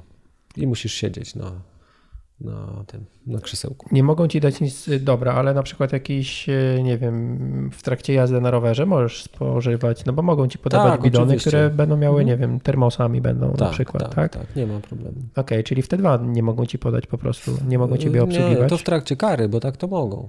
Aha, dobra, no, okej, okay, no właśnie. Z tą pięciominutową pauzą. Mhm. Ile czasu spędziłeś, bo tak się śmieliśmy przed rozmową, yy, znaczy przed nagraniem, ile czasu spędziłeś w T1 i w T2? Mam tu wydrukowane. E, w T1 spędziłem prawie 12 minut, mhm. 11.50. I w T2 3 minuty tak, niecałe. 3 minuty. No, no mów, co? Nie, no tutaj nie jest wliczona ta kara, bo ona się mhm. wliczyła, że tak powiem, do czasu jazdy na rowerze. Mhm. E, sama zmiana koła plus kara kosztowała mnie ponad pół godziny. Wow, no tak, bo tam jeszcze dużo. spacer był, mówisz, te, tak, te, te tak. pół kilometra. Dobra. No niestety, no. W T1 i w T2, no e, przykra sprawa, w T1 i w T2 mhm. e, mogą tak naprawdę robić z tobą wszystko, jeśli chodzi o support. Mogą ciebie ubierać. Tak, możesz tak? tylko stać, rozstawić ręce, nogi i oni cię jak rycerza po prostu mhm. ubiorą, jeżeli jest to taka możliwość. Jak w tej jeden korzystałeś z czegoś takiego? Po prostu byłeś taki zmarznięty, że zróbcie coś ze mną? Czy, czy jak to wyglądało? Nie. Bo już na filmach, wiesz, widać mhm. różne rzeczy, jakieś wsadzanie nóg do miski przygotowanej z ciepłą wodą. tak, tak, tak. No. Jakieś takie rzeczy. Nie, nie było, nie było tak naprawdę źle. Największym problemem było, było to, że byłem mokry i że padał deszcz. Dlatego Aha. ubieranie się po prostu no, na mokre ciało takich rzeczy jest, zabiera więcej czasu, mhm. krótko mówiąc. E, mówię, no jedyne jak, jak wyobrażam sobie, że można byłoby skrócić czas w te jeden, no to po prostu nie ubrać się tak e, do końca, bądź po prostu ubrać spodenki przynajmniej na rower. Okay. Przynajmniej spodenki. Nie? Czyli te, ten twój czas to nie jest jakiś, e, nie wiem, bardzo zły nie, myślę, o, wydaje o mi się, że gdzieś tam powiedzmy w połowie stawki. Mhm. E, jak patrzyłem na czasy, jeśli chodzi o pływanie, no to wydaje mi się, że był też taki rok, gdzie było sporo niezłych zawodników, bo w zeszłym roku e, z tym czasem byłbym gdzieś tam powiedzmy w okolicach 60, 60 70 pozycji, mhm. a w na tym pływaniu? roku byłem 120. Więc było naprawdę o. dużo dobrych zawodników. No i wiesz, też jest ciekawa rzecz, czy, czy support ma ci mówić, który jesteś? No bo Czy to cię nie spali przypadkiem? Zabra... Aha, ale jest nie, dozwolone. Może, rzeczywiście. Oni ci mogą krzyknąć zawsze, który jesteś, Czyli czy ci zostało dużo, czy nie. Tak. I czy cisnąć masz, czy nie masz cisnąć. No mi krzyknęli, że jestem powiedzmy cały czas y, na granicy, ale jeszcze się łapię, tak? Mhm. Na górę. No ale jak złapałem tą gumę, to już wiedziałem, że jest po zawodach tak naprawdę. Mhm. I, I wtedy stwierdziłem, dobra, no skoro już nie wejdę do góry, no to przynajmniej e, muszę dotrzeć na ten punkt, gdzie się te trasy rozdzielają e, w limicie czasowym. Stwierdziłem, że no, muszę sobie jakiś cel postawić i to mhm. był właśnie ten cel. E, żeby po prostu nie klapnąć zupełnie z motywacją i, i jednak pojechać i jeszcze pobiec, no to, to stwierdziłem, że no, muszę coś sobie wymyślić. A było niebezpieczeństwo, że się nie wyrobisz? No, byłem już niedaleko tego limitu i myślę, że mhm. jakbym tak już w ogóle odpuścił to bieganie, no to, to byłoby słabo, nie? To pewnie byłbym gdzieś już nawet za tym czasowym limitem. Mhm. A tak, no to, to stwierdziłem, że no będę cisnął przynajmniej do tego 32 kilometra biegu, żeby, żeby być tam po prostu przed, przed tym limitem mhm. czasowym. Byłem, jak wybiegałem z, z T2, byłem chyba 176 czy 8 Niedaleko. Tak, już tak, już niedaleko, ale no niestety prawdopodobieństwo, że powiedzmy e, bym tyle osób wyprzedził, nie, nie było duże. Więc e, ileś tam osób wyprzedziłem na biegu, ale mimo to też zostałem dogoniony przez kilka osób, więc ta mhm. pozycja się specjalnie e, nie zmieniła. No, trasa biegowa też jest dosyć ciekawa. Jest płasko podobno. Tak, jest płasko, bardzo płasko. Do 25 km jest mhm. w zasadzie bardzo płasko. I powiem szczerze, mm, jakby przez pierwsze 10 km niezbyt malowniczo.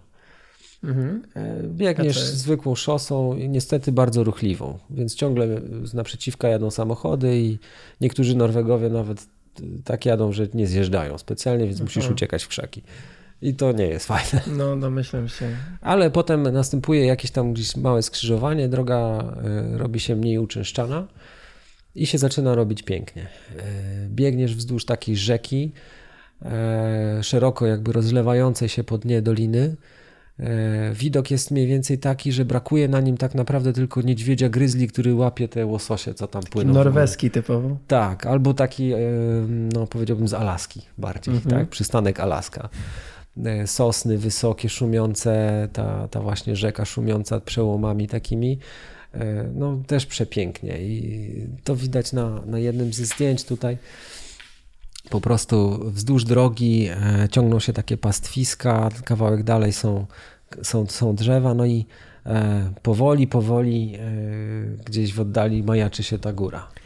Właśnie od którego momentu ją widać, bo na zdjęciach to wygląda mhm. tak, jakby się po prostu ona cały czas gdzieś tam jest przed tobą, a ty jesteś bardzo daleko. Tak, a to yy, tak naprawdę widać ją powiedzmy od 18 kilometra. Czyli dość, no może nie szybko, ale mm, patrząc, że do, do mety jeszcze masz ty mhm. parę godzin nawet, to, a widzisz już ten cel, mhm. to jednak strasznie no szybko widać tą, mm, tę górę. Tak, no masz jeszcze wtedy y, powiedzmy jakieś 5 kilometrów po płaskim, e, mhm. lekko, po, lekko po, po górkowatym terenie, więc spokojnie możesz sobie biec. No i w pewnym momencie do, dobiegasz do podnóża tej góry, e, gdzie zaczyna się taka no, bardzo stroma część. Organizatorzy i zawodnicy e, ten, ten odcinek 8 kilometrów, gdzieś tam, czy 7 pomiędzy 25 a 32 kilometrem nazywają Zombie Hill. Mhm. Tak, czyli no, wzgórze zombiaków, e, gdzie naprawdę no, to jest powoli już tam powiedzmy ostatnia część biegu i większość ludzi naprawdę snuje się noga za nogą już wtedy. Jest bardzo stromo, e, praktycznie nikt nie biegnie, no może ci profesjonaliści tam mhm. podbiegają sobie troszkę, tak, ja kilka zakrętów prze, przebiegłem tam, e, no ale no, tętno mi skoczyło tak bardzo, że stwierdziłem, że, że, to, nie ma, że to nie ma sensu. No ale wtedy, wtedy tak naprawdę daje o sobie znać dobre przygotowanie siłowe. Mhm. Takiej typowej, typowej chamskiej siły. Wtedy po prostu musisz mieć parę w pośladkach, w, w czwórkach, bo po prostu e, no inaczej będziesz też takim zombiakiem. Tak? E, ja praktycznie do samego końca utrzymałem trening siłowy. Oczywiście w mniejszej objętości, tam powiedzmy, niż na początku przygotowań. Siłowy, czyli ale taka siła na siła, rowerze, siła. siła biegowa, czy siła na siłowni? Nie, siła na siłowni i siła y, na pilatesie. Mhm, I dobra. praktycznie do samego końca, do samego końca y, tą siłę trukałem. Oczywiście w mniejszym wymiarze, tak jak mówię, niż na początku sezonu, ale, ale to mi naprawdę dużo dało, bo na tym Zombie Hill chyba z 10 osób takich wyprzedziłem. O praktycznie snujących się. No pewnie część też już motywacja spadła, bo też wiedzieli, że no, nie wejdą do góry, ale, ale no, ja uznałem po prostu, że no, do tego 32 kilometra cisnę, a potem dopiero sobie odpuszczę. I faktycznie. No, no dobra. I jak, jak założyłem, tak, tak zrobiłem. Dotarłeś do tego 32 i tam jest ta furtka, tak, w lewo. Tak. I tak. ciebie puszczają prosto. Są wolontariusze. Tak, są wolontariusze, no, oni cię obserwują, patrzą jak wyglądasz, zadają ci dwa pytania, jeżeli jesteś w stanie jakoś normalnie odpowiedzieć, no to, to puszczają cię po prostu dalej i tyle. No i dalej trasa wiedzie, powiedzmy, y, jakby na, trochę na drugą stronę tego szczytu, y, do, do schroniska. Do schroniska, mhm. na którym jest ta druga meta. Y, tam kilometrów jest trochę za mało, więc to mnie, powiem szczerze, też e, dodatkowo psychicznie dobiło. Musisz to schronisko okrążyć jeszcze e, kilka razy, e, zanim no, ukończysz tak naprawdę te zawody. Musisz dorobić te parę kilometrów, mhm. po prostu tam okrążając to schronisko. Ale dobra, ale fi finalnie wychodzi te 42, tak? Tak, tak, finalnie wychodzi te 42. No po to te, te kółka musisz tam mhm. dokręcić, żeby po prostu... Ale dużo tych kółek na... 10. Aha, 10. Dostajesz taką karteczkę zawieszoną na, na smyczy, jest, jest taka bramka, przez którą musisz przejść i pan ci po prostu dziurkuje. Tak? Przyszedłeś 10 razy. No proszę. No i to mnie, to mnie oczywiście dodatkowo dobiło, no bo na tych filmach widzimy taką, taki wspaniały finish no pełen tak. tych emocji, a ty po prostu no... Jak królik biegasz do, jak chomik tam tak, dookoła. Tak, i to, mnie, i to mnie strasznie dobiło, to mnie strasznie zniechęciło. Jedynym takim akcentem na tej mecie było, fajnym było to, że e, w momencie, kiedy przebiegałem metę, no to puścili Mazurka Dąbrowskiego. Hmm. I to był taki moment, który mnie troszeczkę też odbudował, tak? Bo, miło. Bo to było miło po prostu. Eee, czy ten ośrodek, to, to, to, to schronisko, o którym mówisz, które mhm. jest na mecie, eee, to bo ci, co kończą na górze, zjeżdżają na dół jakąś kolejką. Tak, tam jest kolejka na szczycie. I ona zjeżdża do tego schroniska właśnie? Y, nie, ona zjeżdża do, do podnóża w zasadzie tej góry, do wioski, która jest tam u podnóża, mhm. Y, w której ja też potem tam e, spałem, nie? Okej, okay. ale jak to wtedy jest logistycznie? Gdzie są te wszystkie... Sam, samochodem można wjechać prawie, że do tego 32 kilometra, gdzie się rozjeżdża, gdzie się powiedzmy mhm. rozchodzą te trasy. I tam support może zostawić samochód i ci na ostatnich kilometrach po prostu towarzyszyć jedną trasą bądź drugą trasą. Okej, okay. i jest wystarczająco dużo miejsca, żeby zaparkować, nie wiem, 200 samochodów? Tak. Dobra. Tak, tam są mhm. chyba ze dwa takie parkingi na dwóch jakby różnych e, poziomach, e, przy jednym zakręcie i przy drugim zygzaku, e, no i mieści się. Dobra, ale później z mety już wszędzie z buta musisz się tak. poruszać, jeśli potem, tam do noclegowni z mety, Tak, musisz się cofnąć do samochodu i sobie zjechać do, E, do, do tego schroniska. A, czyli cofnąć się znowu, nie tak, wiem, 8 tak. km na przykład, Dokładnie. czy ileś. Mhm. No, nie ma lekko. E, kurczę, ale to już jest wtedy noc i ty gdzieś tam po, po całych zawodach jeszcze musisz spacerować sobie przez godzinę. Tak.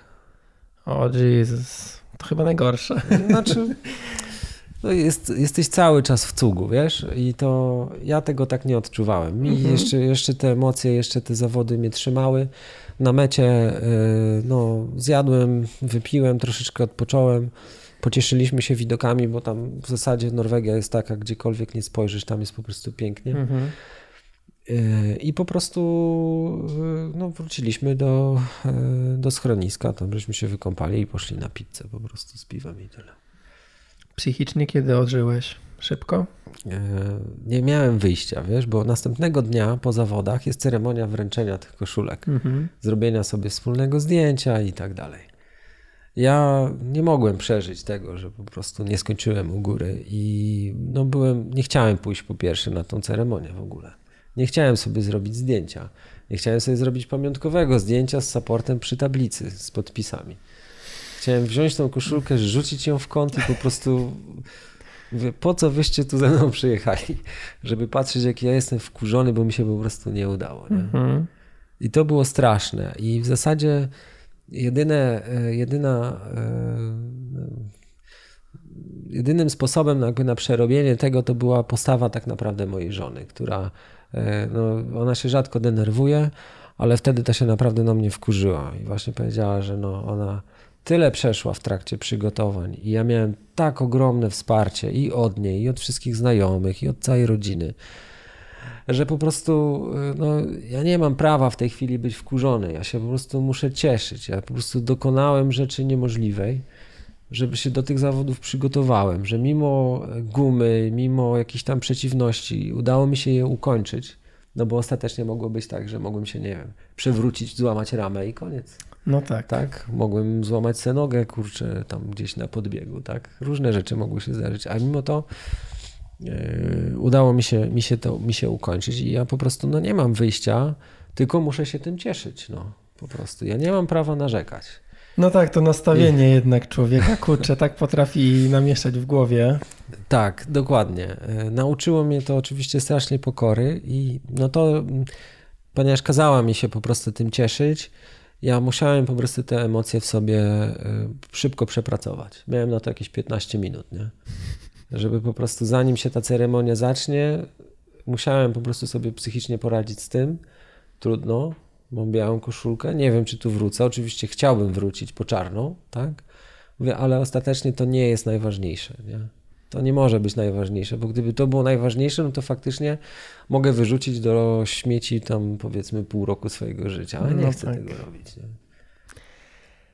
Oj, a jak w ogóle wygląda yy, organizacja na mecie? Wybiegasz mhm. na metę i yy, tak wiesz, czysto praktycznie, nie wiem, chcesz się napić, chcesz zjeść, chcesz odpocząć, chcesz usiąść w ciepłym.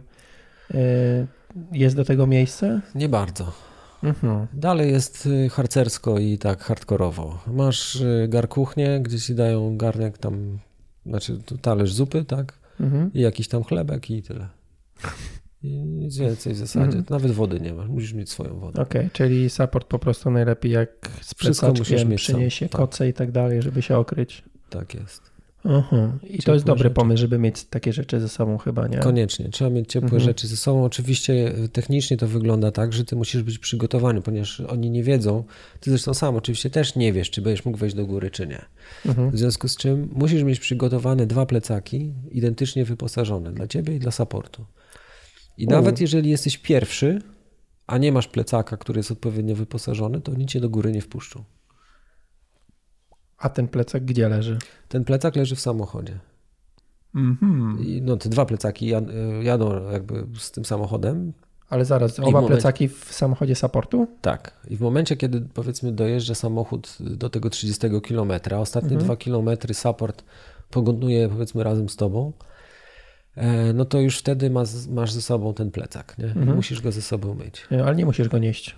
Nie, nie musisz go nie, nieść. Okay. Nie musisz go nieść, no ale potem jak już powiedzmy przepuszczą cię przez bramkę, no to go zakładasz i, i bierzesz i jedziesz. Tak? Nie, nie, jest ciężki, to nie musi być wielki jakiś, tak? Ale Dobra, to, co musisz ty, mieć w środku. Ale przez bram, za bramką też z tobą support może iść. Tak. To ty musisz go nieść? No nie musisz, ale generalnie wszyscy i tak niosą, no bo tak mhm. naprawdę to tak. Ciepłe rzeczy musisz wyjąć, bo u góry jest zimno i wiecznie. Mhm. E, jedzenie, które tam jest, no to co to tam? Tabliczka czekolady, butelka wody, nic nie waży.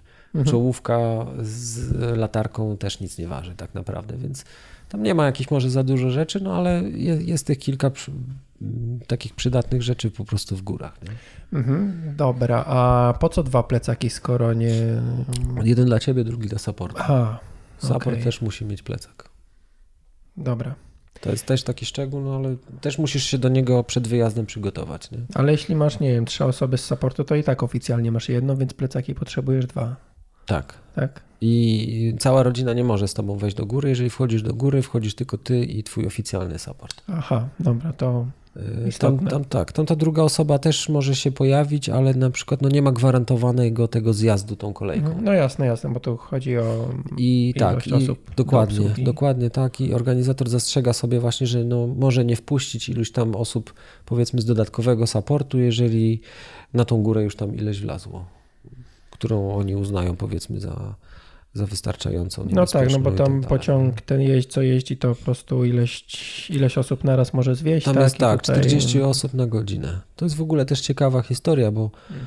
e, e, ta stacja, która tam jest u góry, ta iglica, mm, to kiedyś w ogóle za czasów zimnej wojny zostało przez Amerykanów wybudowane jako tajna baza NATO. I mhm. tam miał się przenieść sztab armii norweskiej w razie, gdyby Rosjanie zaatakowali Norwegię. I to miało być centrum dowodzenia w tej górze. Y, też i ze względu na warunki geologiczne, dlatego że ta góra geologicznie jest zrobiona z jednej z, najtwar z najtwardszych skał, jakie są powiedzmy gdzieś tam na ziemi w ogóle. Mm -hmm. tak? Więc oni tam zrobili y, no, te instalacje wojskowe E, no w tej chwili nie jest to używane oczywiście jako tajna baza, tylko jest to po prostu punkt turystyczny, no bo widać stamtąd 60% tego województwa norweskiego powiedzmy, tak, tej jednostki administracyjnej, tego landu. E, no i oczywiście no, piękne okolice. Nie? Więc, więc tam jest e, codziennie dużo turystów. Ale Dobra, to jest taka ciekawostka. Jest tam trochę miejsca wtedy jakby mm, zadaszonego, tak to nazwijmy. Tak, jest tam, u góry też jest takie małe schronisko, gdzie możesz kupić herbatę i, i ten. Zresztą musisz mieć ze sobą gotówkę, co mhm. w Norwegii jest w ogóle takim dziwnym wymogiem, bo tam e, kartą. Wszędzie w zasadzie się płaci tylko kartą. Jak wymierz mhm. gotówkę, patrzą na ciebie jak na jakiegoś dziwnego człowieka. Chyba w Stanach jest podobnie tak, w wielu ale, miejscach. Że ale tutaj jest tak, że po prostu tam musisz mieć gotówkę, bo tam nie ma, nie ma internetu, nie ma e, łącza, więc w tym plecaku okay. też parę złotych y, musisz mieć. Mhm, ale meta wygląda tak jak ta na dole. Generalnie, znaczy jeśli chodzi o te. Tak, meta wygląda tak. ci tam nie podadzą. Tak, nic ci tam za bardzo nie mhm. podadzą. Oczywiście jest asysta medyczna, tak, gdyby tam się działo na obu metach, na mhm. jednej i na drugiej ale no, wygląda to bardzo spartańsko. Dobra, y, powiedz tylko jeszcze na koniec dwie rzeczy. Y, o sile mówiłeś, a mhm. jak ci się wydaje, czy morsowanie dużo ci pomogło, jeśli chodzi o przeżycie tych zawodów? Hmm. Takie termiczne? Myślę, że tak, że warto się morsować. Warto się przyzwyczaić. Czy tak. poza morsowaniem Co jakieś prawda, inne rzeczy robiłeś z tym związane? Znaczy przy, z przystosowaniem się, mhm. nie wiem, do, do zimnego. tak, oczywiście. Tak naprawdę no to jak zazwyczaj wychodząc na rower, no, sprawdzamy pewnie prognozę pogody, unikamy takich dni, gdzie pada i tak dalej, bo nam mhm. się pobrudzi. Ja odwrotnie, ja po prostu wypatrywałem brzydkiej, zimnej, wietrznej pogody okay. i się bardzo cieszyłem, kiedy były takie dni, bo po prostu miałem szansę sobie pojeździć w takich warunkach, jakie tam na mnie w Norwegii po prostu czekały. Głowę przystosować. Tak, i po prostu musiałeś jechać, niezależnie od tego, jakie są warunki. E, no oczywiście wiąże się to z dodatkowym niebezpieczeństwem u nas na drogach, wiadomo jak bezpiecznie jest. No tak. Tak, więc... więc e, no, Proszenie się o problemy. Dokładnie, szczególnie kiedy pada deszcz i ta widoczność jest mniejsza. No ale mimo wszystko wypatrywałem takich dni i, i, starałem się jeździć po prostu też i mocno w takich warunkach. Morsowanie oczywiście bezpośrednio nic ci nie daje o tyle, że no ostatnie morsowanie to jest gdzieś tam, nie wiem, w kwietniu, w maju powiedzmy, no w maju to już nie morsowanie, tak? No zależy, ale... ta zima teraz się przesuwa trochę. przesuwa, no tak. Ale i tak jakby no w, w sierpniu już zapominasz trochę tego efektu, już ta woda wszędzie jest u nas cieplejsza, e, ale no daje ci to pewną odporność psychiczną przede wszystkim. Mhm. Tak mi się wydaje, że po prostu ta psycha, że ta zimna woda ci nie zrobi krzywdy, jest y, ważna. Nie? Patrzę tutaj, przyniosłeś e, podsumowanie treningu. To jest rok przed y, startem. Docelowym, znaczy, to jest tak? dokładnie od początku roku 17 do, do dnia startu. Aha, okej, okay, czyli tam po nie wiem, 8 miesięcy. Tak, tak, 7 miesięcy. Mhm, pływanie średnio 3 km tygodniowo. Y, tak, tak chyba wyszło. No 150 km. Tak, 150 przez 30, no około 3 km, więc nie jakiś straszny. Mhm. Ale trenowałeś generalnie dużo, nie? Yy, tak. Znaczy, no tak y, znaczy, sumiennie no- się przygotowywałeś do dystansu. To nie było jakiegoś unikania tam, czy jakiegoś takiego trenowania, bo o, uda się przejechać, tylko to był jednak konkret robota. Wyłączyłeś się z życia jakiegoś takiego znaczy, innego niż, niż trening. Powiedzmy, i... że tak, miałem wszystko zaplanowane do ostatniej minuty cały dzień, tak naprawdę. Mhm. Nie było czasu w robocie, żeby powiedzmy, nie wiem, z kimś porozmawiać, usiąść kawę wypić, poplotkować w cudzysłowie, czy, czy, po prostu pogadać, na co często tracimy trochę czasu w biurze. Y, tak, więc żeby się wyrobić w 8 godzin, no to to naprawdę musiałem mieć tą robotę zrobioną od A do Z. Mhm. E, udało mi się oczywiście, że tam e, jeden dzień w tygodniu po prostu pracować z domu, żeby nie tracić czasu na dojazd i wykorzystać to po prostu na treningi.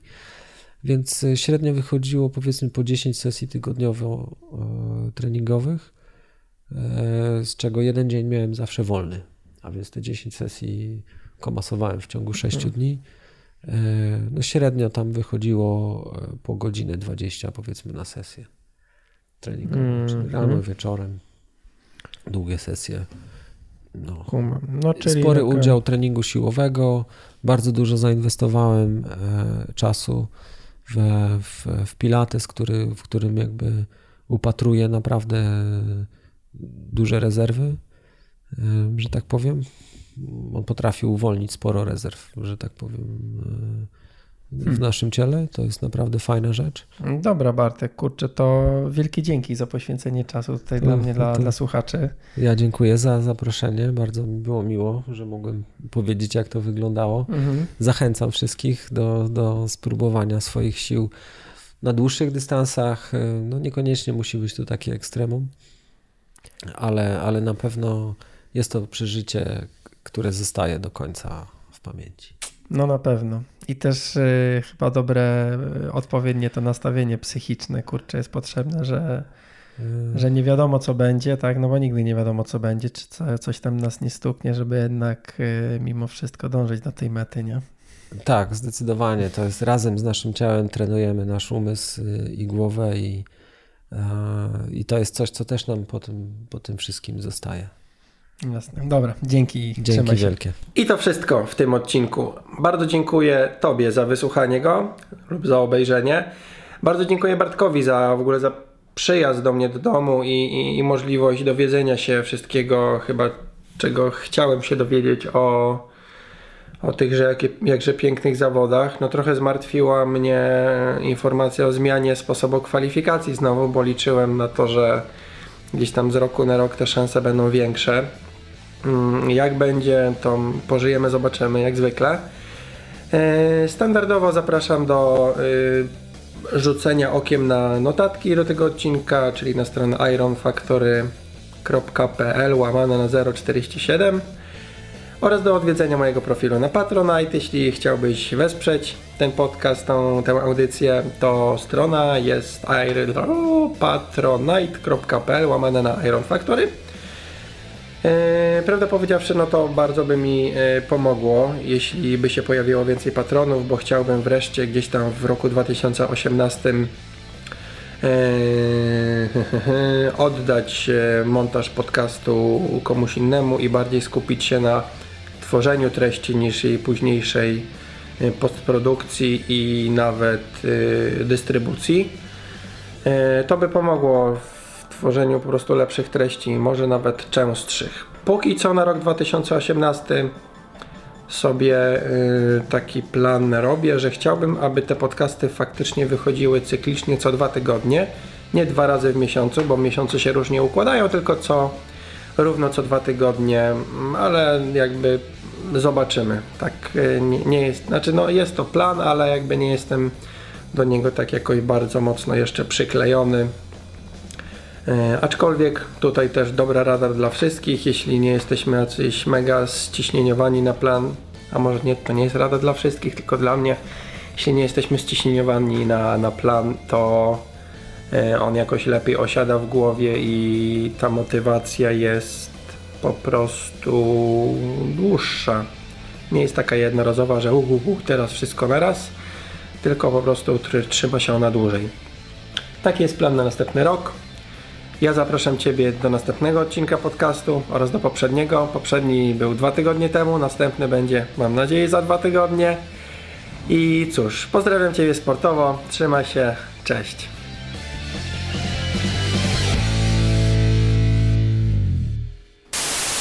Okay. Stresujesz się, czy nie? Czy spoko? Ja myślę, że spoko. No. Pierwszy raz trzymam mikrofon w ręku. Mhm. Jestem przygotowany. Jest nieźle. Owacje. Dobra. No, dzwonek na jedzenie. A, rozumiem.